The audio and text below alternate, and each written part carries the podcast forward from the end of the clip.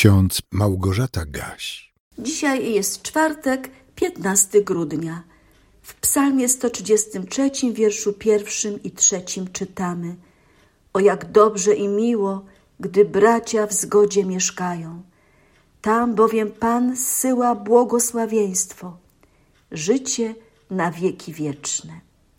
A w liście do Rzymian w dwunastym rozdziale, w wersecie czwartym i piątym apostoł Paweł napisał Jak bowiem w jednym ciele wiele mamy członków, a nie wszystkie członki tę samą czynność wykonują, tak my wszyscy jesteśmy jednym ciałem w Chrystusie, a z osobna jesteśmy członkami jedni drugich.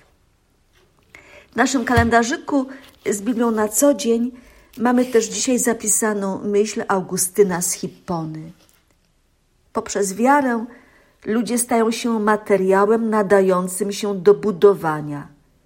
Poprzez chrzest i nauczanie są ociosywani i wygładzani.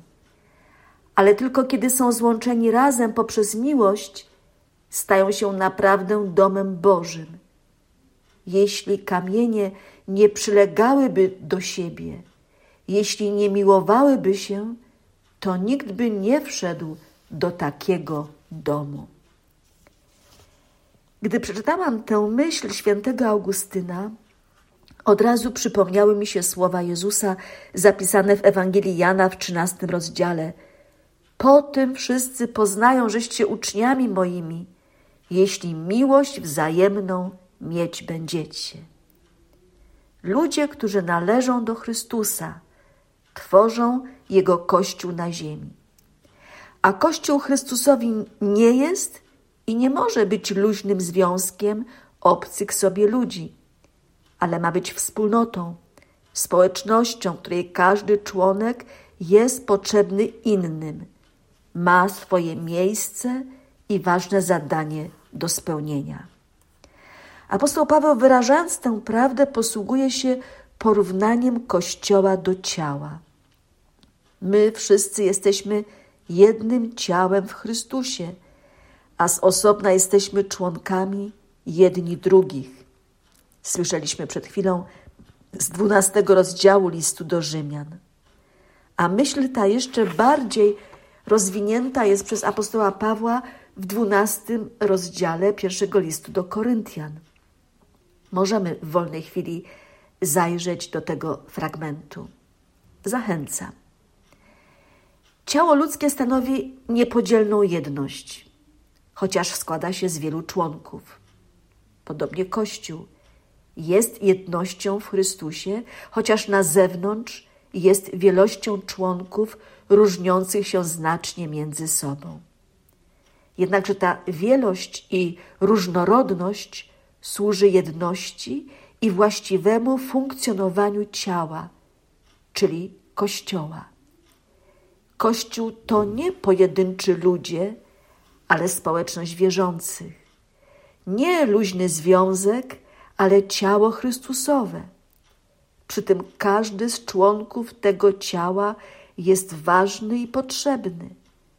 Nie ma więc powodów, aby zazdrościć tym, którzy otrzymali jakieś bardziej eksponowane zadania.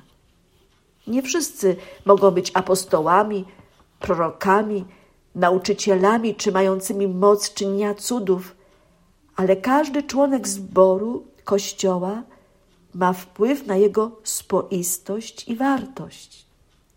Zwróćmy uwagę, że zdolność ciała do życia polega na współdziałaniu różnorodnych członków. Każdy jest inny, ale każdy jest ważny. Bowiem w ciele potrzebne są oczy i uszy, ręce i nogi i tak dalej. Apostoł napisał w pierwszym liście do Koryntian w dwunastym rozdziale: Nie może oko powiedzieć ręce, nie potrzebują ciebie, albo głowa nogom, nie potrzebuję was. Odnosząc te słowa do zboru chrześcijańskiego, możemy powiedzieć, że nie ma w nim ludzi bardziej ważnych i mniej ważnych każdy powinien spełniać swoją rolę zgodnie z darami, jakich udzielił mu Pan Bóg. Także mały dar nasza niepozorna służba pochodzą od Boga i nikt nie powinien mieć kompleksu niższości. W zborze chrześcijańskim powinna panować zgoda. O jak dobrze i miło, gdy bracia w zgodzie mieszkają. Tam bowiem Pan zsyła błogosławieństwo, życie na wieki wieczne, napisał psalmista. Jeżeli brak zgody, jeżeli w jakimś chrześcijańskim zborze istnieje podział na ważniejszych i mniej ważnych, to zbór musi jak najszybciej wrócić do miłości, która buduje, scala i jednoczy.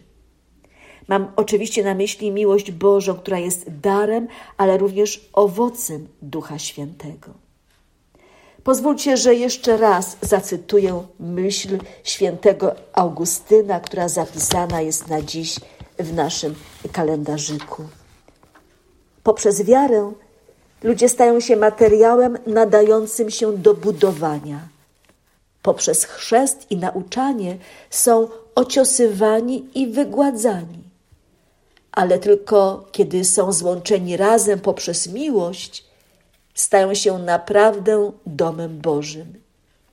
Jeśli kamienie nie przylegałyby do siebie, jeśli nie miłowałyby się, to nikt by nie wszedł do takiego domu.